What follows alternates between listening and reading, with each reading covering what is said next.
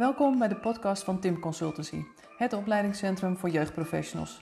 Ben jij op zoek naar een passende deskundigheidsbevordering in de vorm van een training, workshop of inspirerende artikelen? Kijk dan eens op de website of op onze social media kanalen.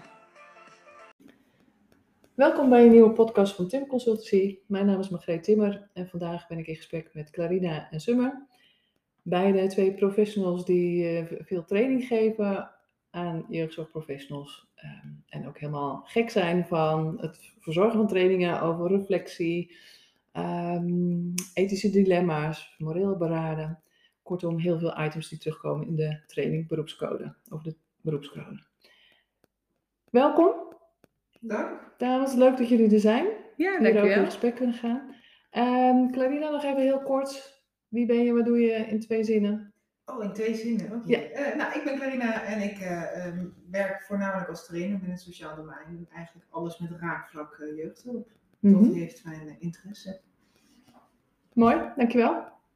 En mijn naam is Summer Koster en eh, ik heb inderdaad een groot hart voor reflectievraagstukken en sociale vraagstukken. En ik ben oprichter van Sociaal Domein Online. Mooi, dankjewel. Ehm vanaf 1 januari hebben we een nieuwe beroepscode. De beroepscode eh, voor professionals in sociaal werk. Vertel eens, toen jullie eh, de beroepscode zagen, wat was jullie idee daarvan? Ja, nou misschien wel goed om te zeggen dat eh, de nieuwe beroepscode is eigenlijk ook bedoeld voor in principe bijna praktisch alle professionals in het sociaal domein die dus werkzaam zijn voor gezinnen en mensen. Dus denk aan de opbouwwerker, de maatschappelijk werker, de jeugd- en gezinsprofessional, eh, de ambulant begeleider. Ehm, eh, voorheen hadden ze eigenlijk allemaal een eigen beroepscode. Dus je moet voorstellen, de jeugdzorgprofessional had een andere beroepscode als de opbouwwerker of Maatschappelijk werk. het maatschappelijk werker. Eh, dat is nu eh, vanaf 1 januari samengevoegd. Dus met het idee, jullie zijn eigenlijk allemaal eh, eh, ja, in dienst van de vraagstukken van de samenleving. Hè. Er zijn er voor de ander eh, in het sociaal werk. En daarmee hebben we nu dus ook één beroepscode. Daarmee vervalt dus ook eigenlijk die schifting tussen Mhm. de eerdere beroepscodes. Dat betekent voor Clarina en eh, mij, wij eh, geven heel veel trainingen beroepscode en tuchtrecht, die nu trouwens eh, professionele standaarden onder andere ook genoemd wordt, ehm, dat er een verandering plaats heeft gevonden van de beroepscode voor de jeugdprofessional naar nu Mhm. de beroepscode voor het sociaal werk. De jeugdprofessional had artikelen genaamd op Op het kind. En, en dat is inderdaad ook wel wat, het- wat mij als eerste opviel. Ehm, nu gaat het heel erg over de mens. En dat is natuurlijk veel breder dan alleen het kind. En ik vind dat eigenlijk wel een hele mooie, ehm, een mooie verandering, vernieuwing. Omdat die ook veel breder is dan alleen maar mensen die met, met kinderen werken. Maar ja, echt voor mensen die met mensen werken. Ja. Dus dat is nou, gelijk op je vraag van hè, wat viel je als eerste op. Dat was voor mij wel eentje dat ik dacht, oh, het is inderdaad nu veel breder dan alleen maar kindgericht. Ja. Wat ik een hele mooie verandering vind. Ja, artikel 1, mensen tot hun recht laten komen. In plaats van, het was volgens mij artikel A in de jeugdprofessional, de jeugdige centraal eh, eh, stellen. Dus eh, er zit dus ook een verandering van eigenlijk letters, Mhm. A tot en met X, nu naar cijfers. Dus dat is gewoon, gewoon een platte verandering. Ja. Waarin de woordkeuze nu cijfers zijn en mens. Dus mensgericht in plaats van kindgericht. En als jeugdprofessional, ik richt me heel erg op, op jeugd, ehm, schiet mij dan tegelijk te beginnen, hoe voorkomen we dan dat het kind straks vergeten wordt? Ja. Ja, een hele terechte vraag. Ehm, een van de eh, ja, kritische noten die we hierin ook hebben is eh, artikel K was dat altijd, handelijk conform Mhm. signalen kindermishandeling. Die zit niet in de nieuwe beroepscode. Die wordt daarin niet genoemd. Ehm, dat vind ik deels een gemiste kans, want ik denk eh, waarom wij dit werk doen, is onder andere om eh, ja, toch te zorgen voor kwetsbare Mhm. mensen in de samenleving. Ja. Daar hoort ook zeker het thema eh, huiselijk geweld, kindermishandeling, daar alert op zijn, daar het verschil als professional ook in kunnen maken bij.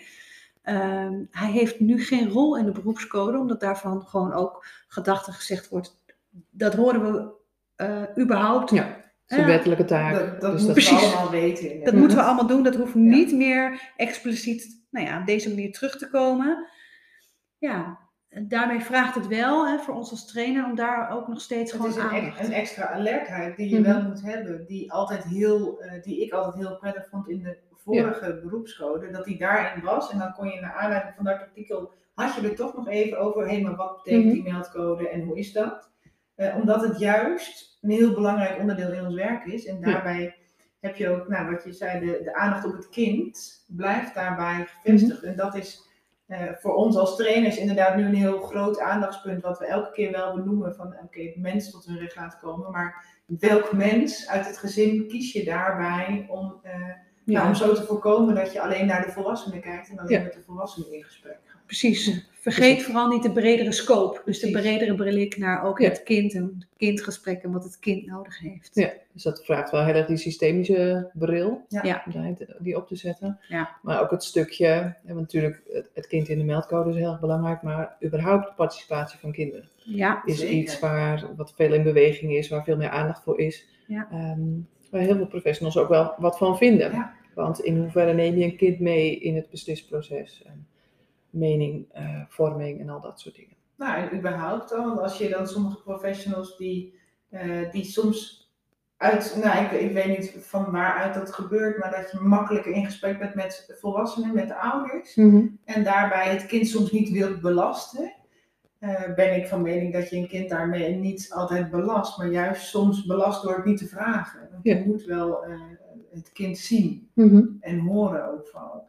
Dus dat, dat vraagt nu wel extra aandacht. Dat we niet alleen van mensen, alleen maar uitgaan van volwassen mensen. Ja. Maar kinderen zijn net zo goed mensen. ja.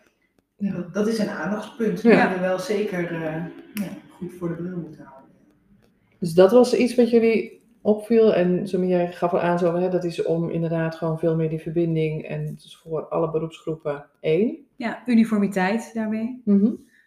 Ja. Eh, misschien ook wel een bevordering. En tussen dat hoop ik heel daadwerkelijk. Dat het ook te, ja, te, te goed, tegemoet komt, eh, goed komt. eh, eigenlijk aan onze integrale opdracht, hè, het samenwerken. Dus ook binnen als Mhm. professionals in het sociaal werk. ehm, eh, hebben we ja, ergens dezelfde intentie of maatschappelijke opdracht. We geven er net op een andere manier kleur of invulling aan. Aan de hand Mhm. van gewoon het beroep of de rol die je hebt. Maar we hebben ja, dezelfde mensbasis, zou je kunnen zeggen. Waarvoor we dit doen. Ehm, het feit dat er nu één beroepscode is, zou wel nou ja, daarin kunnen helpen. Hé, hey, we zijn er eigenlijk voor hetzelfde. Eh, en ook, eh, hoe kunnen we elkaar daarin ook misschien meer ondersteunen of faciliteren? ja.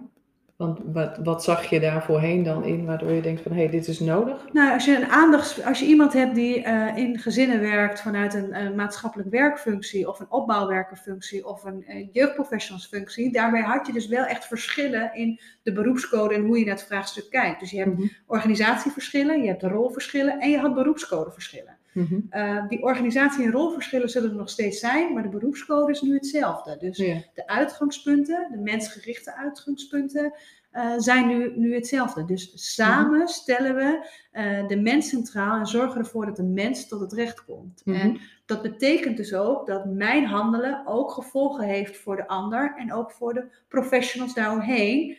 Dus moeten we daar meer kijken naar ja, uniformiteit. Dat we vanaf daar ook beter met elkaar kunnen leren samenwerken. Ja.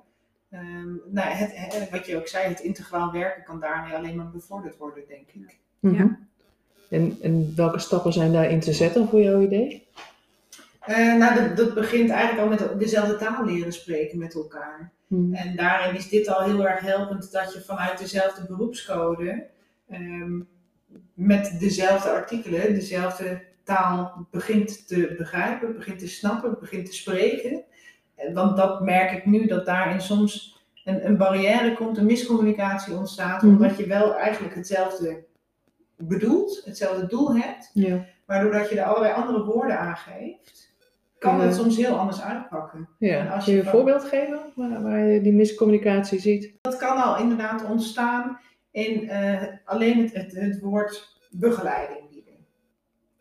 Voor mij is begeleiding bieden, eh, betekent dat niet dat ik dingen overneem van een ander, maar dat kan ook zijn dat ik samen ga kijken, joh, wat heb je nodig, wat kun je daarin zelf en wie kan je daarbij helpen. dan blijf ik als het ware zelf achteroverleunen. Maar dat is voor mij wel een manier van begeleiding bieden. Terwijl het voor een ander kan begeleiding bieden zijn. Laat jij maar even zitten, ik doe het voor je. Mhm. En ehm, als je dat niet duidelijk met elkaar hebt besproken en je hebt wel verschillende verwachtingen van elkaar, ja, dan ontstaan daar miscommunicaties bij. En zo kan dat uiteindelijk veel groter worden. Terwijl als je Ja. daar duidelijk met elkaar over eens bent van hé, maar wat is dat dan? Waar hebben we het dan over? Mhm. En eh, hoe laten we een mens tot hun recht komen? Hoe ziet dat eruit? Ja. Als je daar dezelfde, eh, of daar, daar het gesprek met elkaar over kan aangaan Mhm. en dezelfde basis daarin hebt, kun je ook mooier met elkaar samenwerken. Dat is Waar ik dan gelijk aan denk, hè, die verbinding, dezelfde taal spreken en dat soort dingen. Is de, voor de geregistreerde maatschappelijk werkers, ehm, zijn die ook verplicht om de training beroepscode te volgen? Professionele standaarden? Daar vraag je me wat. Dat weet ik volgens mij Nee. niet. Nee, want ik denk van als we die verbinding willen, dan zou je ook willen dat je daar dus gezamenlijk trainingen in volgt. Ja, Ja, dat, dat je dan dat is ook het, Ja. mooiste. Dat zou ik inderdaad heel fijn vinden. Dat we juist die verschillende groepen bij elkaar hebben om van elkaar te leren. Ja. Ik, dat durf ik eigenlijk niet te zeggen. Nee, niet. maar wat je nu wel steeds meer ziet, is dat eigenlijk de geregistreerde professionals elders toch een overstap maken naar de Kamer van het SKJ. Omdat heel veel ja, inkopen in onze beroepsgroep toch zich nu meer daarop richt, eh, lijkt te richten. Eh, dus Ja, dat is ook een interessante. Moet je wel met jeugd werken. Ja, ja, ja, maar in ieder geval met gezinnen. Mhm. Eh, eh, en dat kan ook zijn waar jeugdigen betrokken zijn. Je kan natuurlijk in binnen gezinnen werken waar jij ja, voor de ouder werkt. Mhm. Maar wel degelijk zie je dat nu, die nu ook steeds meer ja, richting de SKJ geregistreerd worden. En van daaruit wel een verplichting hebben. Ik, ik ken ze eigenlijk niet als je kijkt naar gezinssystemen en het samenwerken zoals we dat nu vormgeven, dat ze elders geregistreerd zijn en wel nu een belangrijke rol hebben in het gezinssysteem. Dus het is een interessante Ja. vraag. Hoe zit dat? Ja. Nou, gaan we onderzoeken. Gaan we weer naar kijken. Gaan we Ja, onderzoeken. mooi. Wat misschien ook wel mooi is om daarop aan te vullen, want dat vind ik ook heel opvallend. Als we nu naar deze nieuwe beroepscode kijken, dan zien we ook dat informatievoorziening en dossiervorming heel hoog eh, eh, nou ja, Mhm. Benoemd staat. Volgens mij, eh, ik heb geteld, volgens mij gaan er ongeveer vijf sowieso over dossiervorming, ook vijf over informatievoorziening. Nou, het zijn er 29. Je zou kunnen zeggen dat er minimaal een derde dus over dit thema gaat. Ja. En dat is dus ook zo complex, want als je dus integraal samenwerkt, moet je dus ook iets met hoe leg je dat dus samen vast? Hoe doe je dat? Eh, hoe deel je informatie met elkaar? En deze beroepscode probeert eigenlijk aan dat vraagstuk Mhm. eh, dat we daarin een gezamenlijke opdracht dus hebben, dus een soort gezamenlijke standaard hebben, antwoord te geven. Ja. Eh, eh, het moet nog uitwijzen hoe dat antwoord gaat uitpakken, want we nemen deze podcast ook in januari op, hè, in dit geval. En hij is ook voor januari, misschien over een jaar dat Mhm. we weer daarover kunnen hebben om te zien, hey, eh, wat maakt het nu anders? Ja. Maar dat is natuurlijk wel een interessant gegeven. Ergens vinden we het nu dus, eh, maatschappelijk gezien, als beroepsgroep, want daar is deze beroepscode ook voor en door gelanceerd, heel erg belangrijk Mhm. dat wij eh, op een adequate, uniforme manier kijken naar dossier, naar informatievoorziening en gegevensuitwisseling. Ja. Die artikelen staan expliciet meerdere malen benoemd. Vaker dan inhoudelijke methodische artikelen, want daar gaat het eigenlijk helemaal niet Mhm. over. Nee. En ehm, wat, wat zie je daar dan in? Wat, eh, wat merkt de cliënt daar dan van als meer op deze manier gewerkt wordt? Van, vanuit die uitgangspunten? Ja, waarschijnlijk dat er meer afstemming is over eh, de manier van rapporteren, dossiervorming. Ja. Hopelijk dat het dus eh, meer zichtbaar is. Dus Ja, en ook meer transparant. Precies. En meer samen met, eh, samen in, als professionals, maar ook samen met de, eh, de cliënt. En dat het daarin denk ik een stuk opener is in, hé, maar wat, wat betekent dan dossiervorming? Want laten we wel wezen, wij hebben super belangrijke informatie van de cliënt. Wij doen daar iets mee. En in heel veel gevallen weet een, dossier, of een, een cliënt niet wat er met zijn of haar dossier gebeurt. En hier staat ook een heel artikel over inzage en hè, wat, wat mag daarin wel en niet. En nou ja, dat hebben we natuurlijk in, eh, in de training, maar ook in een andere podcast hebben we het daarover gehad, van het belang daarvan. En eh, ik merk ook dat dat, eh, ook bij deze training over de beroepscode, maar ook bij de training over de dossiervorming zelf, komt dat heel veel naar voren. Dat mensen zeggen, oh, ik wist helemaal niet hoe dat zit met inzage. En welke Mhm. toestemming moeten ze wel en niet waarvoor Ja. geven. En ik denk dat ik hoop dat dat eh, door middel van deze artikelen wel meer bewustwording geeft. En dat Mhm. daarbij ook eh, nou, meer transparant en openheid richting de inwoners of richting de Ja. cliënt is. Ja. Ja. Dus dat zijn eigenlijk verschillende doelen die je ook aan je verslaggeving hebt. Het helpt jou om je werkproces te doordenken. Precies. Maar je wil juist dat ook de cliënt baat heeft bij alles wat in Ja. je dossier staat, En ordening. daarbij ook op het moment eh, dat er eh, of wisseling plaatsvindt, dat een cliënt niet alles opnieuw hoeft te vertellen, maar dat hij ook gewoon weet, Mhm. nee, dit is er. En dit is opgeschreven en Ja. ik weet dat het nu daarheen gaat. Dus het is een, een gedeelte voor ehm, hoe doe je je werk en je hele proces, Ja, maar ook een stukje verantwoording eh, ja. achteraf. Ja. Ja, oké. En wat merken jullie, want eh, in de training behandelen jullie nu deze beroepscode ook. Wat, wat zijn de reacties van de deelnemers? Ik vind het altijd wel, wel mooi waar je aan het begin van een training nou, soms eh, een beetje eh, denkt van, oh, of terugkrijgt van, oh, nog meer en nog meer. En als we dan hiermee bezig zijn, hè, we hebben natuurlijk allemaal eh, praktische dingen waarbij, casuïstiek, waarbij de deelnemers bezig gaan met de beroepscode. En eigenlijk is altijd de reactie, oh, maar dit, Ja. zijn, dit zijn dingen die ik al dagelijks doe. En dit heb ik altijd bij de hand. Ik zeg, nou, maar dat is het ook. Ja. Mhm. Oh, wat fijn dat het er toch staat. Precies. Dat ik er terug kan vallen. Ja. Ja. Ehm, dus, dus daarin heel veel herkenning en erkenning. Ook een gevoel van steun. Heel veel professionals hebben nadien ook echt het gevoel van... Oh, wauw, ik hoef het wiel dus niet alleen uit te Mhm. vinden. Het staat ergens. Ik kan me er ook op beroepen en ik kan er ook naar kijken. Wat we wel merken is, als professional ehm, binnen gezinnen, eh, binnen wijkteams, binnen gemeenten, binnen, eh, op straat, binnen hulpverleningsinstanties, krijg je te maken met eh, misschien wel een beetje misstanden. Of in ieder geval, hey, een conflict van plichten. Mhm. Wat doe ik hierin? Bijvoorbeeld ook het vraagstuk. Jij weet dat een gezin waar jij over de vloer komt zwart werkt, maar ook een uitkering krijgt. Ja. En jouw collega hè, in dat sociaal team, die werkt voor die uitkeringstak. Mhm. Wat doe je dan? Ja. Dat zijn echt, het komt heel veel voor. En de ene professional zegt dan, ja, maar dat is niet aan mij. En de andere professional zegt, ja, daar moet ik wat mee. Ja. Ehm, de, de, ja, dan ga ik toch zeggen, de vorige beroepscode vond ik dat die daar iets strakker in uitsprak. Hm. Nu wordt het wel subtiel benoemd. Bijvoorbeeld eh, artikel 4, bevorderen van het vertrouwen in het beroep. Wordt die, wordt die wel in benoemd van ja, weet je, eh, dat je bewust bent dat jij als professional binnen het sociaal werk een voorbeeldfunctie hebt. En dus Ja. dat je daar ook op moet beroepen. En hoe ga je dus om met het niet naleven van regels. Ehm, maar daar blijft het een beetje bij. Het geeft Mhm. nog onvoldoende handvaat. Maar wat doen we nou met dit soort vraagstukken? Ja.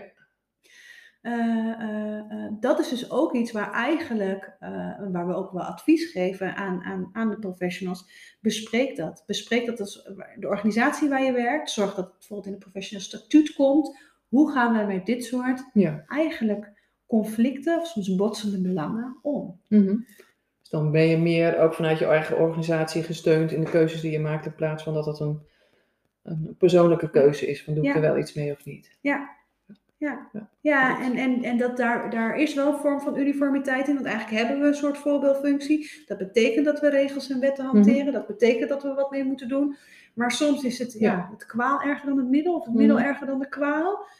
Eh, eh, hoe ga je daar dan mee om? Juist met dit soort nou ja, wat maatschappelijker vraagstukken. Ja. En dat is natuurlijk ook een glijdende schaal van als je weet dat iemand die eh, brengt één keer in de week kranten rond en eh, verdient daar 20 euro mee, of heeft iemand een volledige baan naast zijn uitkering. Ja, Dus wanneer ga je dan wat? En welke Doen. belangen wegen, wegen daarin mee en welke wegen Ja. het zwaarst? Dus dat zijn dingen die jullie in de training terug laten komen om het daar met elkaar over te hebben. Ja. Eh, Stimuleert mensen ook om daar op het werk weer eh, over te hebben. Ja. Ja. En het gesprek daar ook over aan te gaan, maar ook een soort gemeenschappelijke norm of zo daarin te kunnen bepalen. Want, want dat is ook wat je heel duidelijk merkt, en dat vind ik ook echt prachtig altijd, dat iedereen weer het besef heeft van, hé, hey, ik als professional heb heel veel autonomie. Ik heb best Mhm. misschien wat meer macht en invloed dan ik in eerste instantie dacht. Want als je het gaat uitfilteren en op casuïstiek over hebt, denkt iedereen, oh ja, het maakt inderdaad heel veel uit wat ik doe Mhm. eh, linksom, soms of rechtsom. Ehm, en ook alweer als er dus nou ja, eh, botsende belangen zijn of eh, eh, ja, conflict van plichten, dan is het dus heel belangrijk dat het niet alleen mijn handen of mijn mening is in deze Mhm. situatie, maar dat ik het wat breder binnen onze beroepsgroep, Ja. daar is ook deze beroepscode dan ook heel mooi voor, het moet bespreken. Dat echt Mhm. het collegiale consultatie, wij doen dit samen en vanuit welk uitgangspunt doen wij dit samen. Dus het is Ja. niet my way or the highway. Hè? Het is nou, gezamenlijke. En ik merk ook wel vaak vanuit deelnemers terug dat ze dan, horen, dat ze dan zeggen: Ja, maar het, het heeft me gesterkt. Want ik voel me inderdaad gesteund door Mhm. nu weer even. Het, het is een stuk bewustwording van: Oh ja, dit is er voor mij ook. En dit kan ik inderdaad meenemen mijn organisatie in. Om vervolgens hierop door te bouwen: Hé, hey, wat hebben we in de organisatie hierin nodig? Mhm. En eh, nou, dat is eigenlijk wel wat heel veel eh, eh, deelnemers teruggeven. Ja, het, het geeft me weer kracht. Van, oh ja, ik zit op de juiste weg. En dit heeft me, deze training heeft me dat weer doen inzien. Van ja, hetgeen wat ik doe, doe ik goed. En dit sterkt me daarbij nog meer om het zo door te zetten. En om het ook op die manier eh, uit te dragen naar Ja. mijn collega's en mijn team. En het helpt dus ook om te onderbouwen van waarom je iets doet. Ja, zeker. Dat is denk ik waar veel behoefte aan is om Absoluut. daarover door te bomen met elkaar. Ja, En tegelijkertijd merk je dat er heel we- weinig ruimte, tijd gevoeld wordt om dat goed te doen. Ja. Ja. En wat, wat geef je daarin mensen mee? Hoe kunnen mensen gewoon weer wat meer reflecteren op hun werk? Ja, dat is altijd een, een mooie vraag. Want iedereen wil het heel graag. Iedereen heeft ontzettend veel behoefte aan.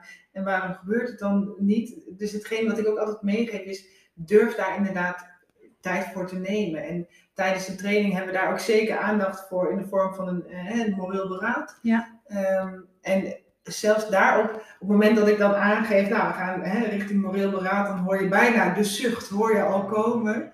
Omdat mensen daar een beeld bij hebben, een verwachting bij hebben. En op het moment dat we het dan samen doen, dat mensen zeggen, oh maar dit is echt heel helpend. Ja. Ook juist vooral naar het kijken naar mijn handelen. En daarbij de beroepscode pakken we er uiteraard bij. En dat ze dan oh ja, maar nu kan ik concreet hiermee Ja. aan de slag. Ja. En ja, ik vind dat het een feestje om En dat, ja, en dat is ook inderdaad wat ik in de evaluaties altijd weer terug eh, lees. Dat mensen iets hebben, oh, dus die theorie gaat nu leven. En ze hebben zoiets van, oh ja, maar het is echt ondersteunend aan mijn werk. Ik kan er wat mee. Het heeft, eh, Het is praktisch. ja, Ja. ja, dus dat is altijd wel heel mooi. Ja, dus aanvullend eigenlijk, eh, eh, wat helpt voor meer reflectie? Ja, eh, moreel beraden. Mhm. Eet, en dat kan op verschillende manieren. Wij bieden in de trainingen één variant aan die wij eigenlijk heel helder en heel ondersteunend vinden. Dat is ook de reacties die we terugkrijgen, maar er zijn zeker meer. Eh, maar het helpt. En het helpt zowel voor het reflectiestuk als het methodische stuk. Mhm. Want daarna kun je ook veel beter verantwoorden, maar hoe ga ik dat dan doen? Ja. Eh, eh, we zijn geneigd, dat we bespreken wel methodische dingen met elkaar, dus casuïstiek, eh, maar heel vaak niet eigenlijk het voorliggende stuk. Ja, is het überhaupt aan mij? Ja. Heb ik hier een rol in? Mag Ja, ik Ja, hier wat gebeurt er daadwerkelijk? Want het casuïstiek is natuurlijk, hè, hoe gaan we het aanpakken en hoe vliegen we het in? En, Ja. Nou, dan komen alle oplossingen bij wijze van op tafel, maar het stukje wat is er nou daadwerkelijk aan de hand? En ook, hè, los van de cliënt, maar wat, wat doet dit met mij als professional? Want daar is, eh, Ja. bij Moreel Beraad hebben we daar echt wel aandacht voor. Maar wat gebeurt, wat is dan daadwerkelijk Mhm. het dilemma? Ja. En Ja, ik vind het ook mooi wat jullie daarin meenemen, is gewoon eerst heel goed stilstaan bij wat is nou eigenlijk precies je vraag. Precies. Exact. Dus eigenlijk, het, en, en hoe doen jullie dat? Hoe zorgen jullie dat er een goed dilemma op tafel ligt? Ehm, door inderdaad daar eigenlijk ook gelijk de meeste aandacht te geven. Hè? Wat, eh, wat zorgt voor, voor je, je pijn of waar schuurt het? En door daarop door te vragen. Ja.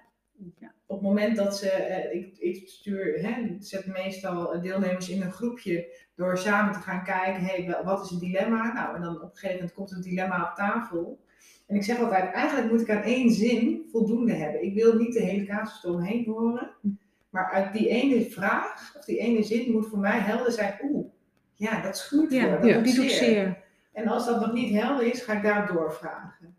Dus eigenlijk in dat dilemma moet een tegenstrijdigheid zitten. Exact. Mhm. Daar moet naar, naar voren komen wat een dilemma is. Ja. Wat, waar ligt je vraag? En dat is 9 van de 10 keer gaat het helemaal niet meer over de casuïstiek Nee. inhoudelijk, want het gaat om iets waar jij, hè, voor jou doet het pijn. Mhm. En dat kan voor een collega heel anders zijn, maar het is jouw inbreng. Dus dat, dat eh, daardoor raadt weer dus ook heel goed uit van waar, waar gaat je vragen over? Is dat een moreel dilemma of gaat het over een methodische vraag? Maar dan Precies. moet je niet dat dilemma inzetten. Nee. Oké. En dat is, ik vind het altijd heel eh, verhelderend om terug te zien bij deelnemers, waar ze dan op het moment dat het bijna een methodische vraag is, dat je hem dan gaat ontleden, dat ze dan zeggen, oh ja, wacht, maar dit is heel herkenbaar, want in deze kaas ik het ook en die en die. Ja, En dan heb je het over, hé, maar wat zijn Ja. we eigenlijk aan het doen? En dan kun je heel mooi de beroepscode er weer Ja. aan vastknopen. Ja. Ja, dan kan er eigenlijk weer een persoonlijk thema aangekoppeld Precies. worden. En waarin je merkt in de groep vaak ook van, er zijn meer, veel meer mensen die hetzelfde Ja, thema hebben. Ja. heel veel mensen. Ja. Of een maatschappelijk Dus dat- thema, inderdaad. Precies. Want het gaat ook heel vaak over, hey, eh, bijvoorbeeld, ik, ik blijf nog steeds fascinerend vinden, hoe kan het dat we het ook zo druk hebben? Ja. Hoe kan het dat er zoveel aanmeldingen zijn? Mhm. Hebben zoveel gezinnen jeugdhulp nu nodig? Maar Ja. echt weer, dus dan merk je weer dat er een soort breder thema is en waar schuurt hij? Want Mhm. het gaat dan bijvoorbeeld over, kan ik nog een cliënt bedienen terwijl ik het al zo druk heb? Hè? Mag ik ook nee zeggen tegen een extra opdracht binnen een wachtlijst? Maar er is wel een wachtlijst. Ja. Eh, eh, eh, maar het kan ook gaan over Ja, het vraagstukken. stuk wat jij net, voor- eh, het voorbeeld wat je geeft, over het moment dat ik in zo'n gezin zit die een bijstandsuitkering krijgen, maar ik weet wel dat ze zwart werken, wat doe ik daarmee? Ja. Nou, dan in het begin lijkt dat een, een bijna een zwart-wit vraag, Hmm. waarvan mensen zeggen, oh, maar dan heb je toch wel een antwoord op. Ik zeg, nee, maar er is een reden dat jij dit niet durft te vertellen. Ja. Want daar zit het in. En Ja. door daar dan met elkaar het gesprek over te hebben, eigenlijk zie je dan altijd, oh ja, maar dit herken ik wel Ja. als je hem zo Ja. En soms ook echt hele gaaf hoor. Dus eh, ik word ook heel enthousiast van sommige vragen, maar meer, ja, dat, dat heel gaaf is misschien het verkeerde antwoord, maar meer dat ik denk, ja, nu hebben we echt ook over essentie van mens zijn en waarom we ooit dit vak zijn begonnen. En. En bijvoorbeeld laatst het vraagstuk van, van een jongen die, die, die bijna 18 is, die zichzelf in het weekend en, dat, en op de groepen woont, prostitueert. Mhm. En ook echt eh, een, eh, niet opgesloten, wil, helemaal gek wordt en hier zijn identiteit aan verleent. Ja, Dat is ethisch. precies. Hè? En daar is ook goed bij ze. En wat gaan we dan doen? En we zijn geneigd om dan vanuit casuïstiek in te vliegen. Mhm. Hè? Eh, want dat lukt allemaal wel, casuïstiek.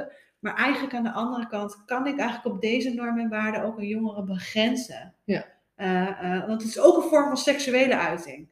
Hè, dus hij gaat zoveel Mhm. dieper. Het gaat over identiteit. En dan zie je eigenlijk bij alle deelnemers. Oh, ja, zoiets heb ik ook een keer gehad, maar dan net op een andere manier. Of het vraagstuk, ja, dat je weet dat bijvoorbeeld eh, broer en zus een seksueel contact hebben gehad vanuit gelijkwaardigheid. Hè? Ja. Daar, daar, daar zitten zoveel normen en waarden ook overheen. Hoe kunnen we die toch vanuit een moreel beraad aanvliegen, zonder ook onze eigen normen en waarden, die soms dan Ja. ook heel erg meespelen, eh, leidend te laten zijn? Mhm. En, en net op een andere manier als alleen vanuit de hoe-vraag. Ik zeg, ik leg heel vaak uit, de hoe-vraag is casuïstiek.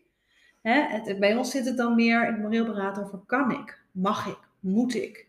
En dan, Ja. daar doet het pijn. Hoewel, Ja. tenzij, als. Precies, dat er een mits zit en een Precies. Ja. keuzemoment in zit. Ja. van dat je, ja. En, en, En, en, vaak komt op dat moment ook naar voren van, oh wacht, maar dit zijn mijn normen en waarden. exact. En En wat vinden we als beroepsgroep? Mhm. Ja. En dat komt ook weer terug in die beroepscode. Wat vinden we nou als beroepsgroep eigenlijk? Wat zegt de beroepscode erover? Hé, hey, wacht, die beroepscode zegt er helemaal niet zoveel over. Mhm. Dus wij geven hier zelf ook kleur aan. En dan is het ook nog mooi als je eh, eh, eigenlijk deze training vanuit verschillende organisaties doet. We doen hem in company en we doen hem open vanuit verschillende organisaties. Dan zie je ook de kleur Ja. die je vanuit je beleidskader, vanuit de organisatie ook nog meeneemt. Mhm. Hè, in normen en waarden. Of eh, ja, zo doen wij dat. En daarin zou het nog veel mooier zijn als je juist ook al die verschillende, eh, waar we het net over hadden, hè, maatschappelijk werk, eh, jeugdwerk, alles bij elkaar hebt, om op die manier er samen naar te kijken. Ja, Dat Ja. dat wil ik. Dat houdt je wel heel scherp, denk ik. ja, zeker. Ja, ja. En het is heel waardevol om van elkaar ook te leren. Mhm. Ja. Ja, dan blijf je een beetje in je eigen gedachtegang en krijg je al heel snel bevestiging. Precies. En dat, en, nou ja, dat, waar ik ook vaak wel naar op zoek ben, benieuwd hoe jullie dat doen. Van, ehm, hoe zorg je een beetje van te- voor tegenspraak in teams? Hoe zorg je dat binnen, hè, als je in je team een moreel beraad doet, hoe zorg je dan dat er ook mensen bij zijn die het van alle kanten belichten? Kritische vragen Ja. durven stellen. Ja. Maar ook eens zeggen van, nou, vind ik eigenlijk helemaal niet, want bekijk het dus helemaal van de andere Ja. kant. Nou, het zijn natuurlijk ook werkvormen voor die we ook toepassen, eh, ook in dit soort momenten. Eh, Er zijn meerdere voor, maar soms ook even echt eh, de ruimte geven om aan de hand van de vraag allemaal een, bijvoorbeeld een nee-standpunt in te nemen. Het kan Mhm. niet. En wat zouden we dan allemaal zeggen? Ja. En dan, want dan heb je hem al geventileerd. Mhm. Hè, dat helpt ook al zo, om in ieder geval daar ook aandacht voor te hebben. En soms ook allemaal, oké, of ik laat ze uiteengaan in groepjes. Jullie gaan allemaal de ja bedenken, waarom het wel kan. En jullie gaan allemaal de nee bedenken. Of, eh, ik doe ook wel eens de vraag van nou, hè, kom eens met een, een handelingsmogelijkheid waarvan je denkt, nou, dit kan echt niet. Durf, nou, Ja, ik noem het vaak het. circus. Ja. Ik zeg, we gaan nu het circus in, want bedenk alles waarvan je denkt, nou, dat kan Ja. echt niet. Eh, nou, en dan gaan we het circus in dat we echt buiten die box gaan denken. En dat is heel spannend voor mensen. Dus dan vaak geef ik een aantal voorbeelden. Hè. Dan is er al een vraag neergelegd. En ik zeg ook wel eens, nou dan beslis je niet dat een kind ehm, eh, wel of niet uit huis moet. Maar dan zeg je, nee hoor, ik neem nu je tas mee en je komt bij mij wonen. En dan de reactie van mensen, ja maar dat zeg je toch niet? Ik zeg, maar deze reacties, die zoeken we. Daar even naar op Ja. zoek. Want dat zorgt ervoor dat je, je wordt creatief. Want zulke mogelijkheden gaan we wel met elkaar bij langs. Van hé, hey, wat zijn hier dan de voor- en nadelen van? Kan dit überhaupt? Hé, juridisch, dat leg je Ja. er ook allemaal naast. Maar dat betekent wel dat je dan vanuit dat grote circus gaat denken. En uiteindelijk kom je zo tot hele creatieve Ja. en passende oplossingen. Ja. En dat, ja, ik vind dat altijd heel gaaf om dat Ja. te doen. Vaak komt daar de kern wel naar, naar boven. Ja, Inderdaad. Ik stel ook heel vaak die vraag: goh, stel alles zou mogelijk zijn, dat zou je kunnen doen. Wat, wat zou je dan willen doen? Ja. Het is een beetje de dingen. wondervraag. En Ja. ik dan vaak de circusvraag. Omdat Ja. ik daar leuke beelden bij heb. Ja, Precies, in mogelijkheden. ja, precies. ja. Mooi, dankjewel. Mooie overwegingen geven jullie zo mee. Hebben we nog iets belangrijks gemist wat er in deze beroepscode staat? Waarvan je denkt: van, oh, dat wil ik nog genoemd hebben. nee. Nee, ik denk dat de essentie, de essentie wel naar voren is gekomen. Mhm. En we zijn ook vooral, denk ik, heel nieuwsgierig naar de toekomstige casuïstiek ook, die hierover gepubliceerd gaat worden. Hoe de beroepscode ook weer terugkomt in het nieuwe, eigenlijk in, de, in, in het tuchtrecht. Ja. Ehm, daar is nu nog geen jurisprudentie over, dus we zijn heel erg benieuwd naar eigenlijk die ontwikkelingen. Ja, dus dat is ook wel mooi als je zegt van nou ja, er nieuwe eh, zaken zijn bij het terugrecht, van hoe is dat gekoppeld aan deze nieuwe artikelen? En waar, waar zit de beweging op? Ja. Ja. Zijn eventueel... eh, Ja. Ja, dat is voor ons ook les om te leren, want dat is natuurlijk uiteindelijk ook nog vooral de bedoeling en essentie. Dat gaat dan ook over het tuchtrechtstuk, want we hebben het nu erg over de beroepscode, maar in de professionele standaarden komt ook het tuchtrechtstuk. Eh, eh, de bedoeling is om onze kwaliteit, zeg ik altijd, hoog te houden en ook echt ervan te kunnen leren. mhm. Dus we, ja, we, en je leert van casuïstiek. Je leert van verhalen, van voorbeelden van Mhm. mensen. Mensen leren van mensen. Ja. En dat staat ook eh, ja, binnen onze training en ook in, binnen de begeleiding en binnen de advisering. Eigenlijk in elk facet dat we doen, ja, staat toch de mens centraal. Wij Mhm. leren van en met elkaar. Dat zou natuurlijk ook mooi zijn als mensen het zo een beetje kunnen gaan voelen, want vaak is een tuchtzaak natuurlijk heel erg spannend. Klopt. Ja, voelt ook vaak voor veel als een soort zwaard van Damocles boven je hoofd. Ja. Nou ja, dat benoemen we ook. Daar is ook echt aandacht voor. Maar door ze ook een allereerste mee te nemen in het proces. Vanuit mens in plaats van protocol. En wat kom jij dan tegen? Hoe ziet dat er dan uit? Eh, eh, eh, wat kun je verwachten? Daarmee, ja, kennis is toch ook, ja, ja eigenlijk macht, hè, zeg ik eigenlijk altijd. Maar kennis maakt wel weer dat je er een beeld van hebt. Dat je denkt, oh, ik weet hiervan. Ik heb er dan iets meer grip op. Ik snap het meer. En als je dan ook nog eens de casuïstiek eraan kunt linken. En Mhm. de voorbeelden, de praktijkvoorbeelden. Nou, dan zie je dat eh, Ja. ook de deelnemers en de professionals die we spreken. Ook daarin heel mooi meegenomen worden. Mooi, Ja. dank jullie wel. Nou, jullie weten ondertussen eh, mijn laatste vraag. Aan wie zou je het stokje door willen geven, Clarine? Ik wil hem doorgeven aan een eh, eh, jeugdprofessional eigenlijk in hart en nieren. En dat is eh, Miranda Koerts. Mhm. Die eh, werkt al eh, heel lang in de jeugdhulpverlening. Nou, letterlijk met haar, eh, haar voeten in de klei, zeg ik dan. En die is, eh, qua, we hebben het net over kinderparticipatie gehad. En toen dacht ik eigenlijk gelijk, ja, dat ademt zij. Mhm. Dus dat is een, Mooi. Eh, ben een benieuwd. mooi persoon. Ik ga contact met haar opnemen. Dankjewel. Ja, ik dacht aan eh, Bianca Snijders. En zij eh, is werkbegeleider bij Moeders van Hogeveen op dit moment. Is al jarenlang jeugdbeschermer geweest. En ze hebben daar echt een fantastisch project. Eigenlijk rond eh, ja, kwetsbare gezinnen. En op een andere manier ja, te ondersteunen, hulp te kunnen verlenen. En doen wat echt nodig is. En Mhm. dat doen ze op een dusdanig laagdrempelige en preventieve manier. dat ik denk dat ze echt een verschil maken. Ja, Ja. mooi. Ja. Dat klinkt, eh, klinkt super interessant. Ja. Dank jullie wel voor dit gesprek en vast tot een volgende keer. Dank je. Dankjewel. Dankjewel voor het luisteren naar deze podcast van Tim Consultancy. Hopelijk was het een waardevol gesprek voor je om naar te luisteren. Wil je meer weten over de onderwerpen die we in onze podcast bespreken? Check dan ook onze social media kanalen of de website van Tim Consultancy voor een van onze opleidingen of trainingen. Heel graag tot een volgende keer en een fijne dag gewenst.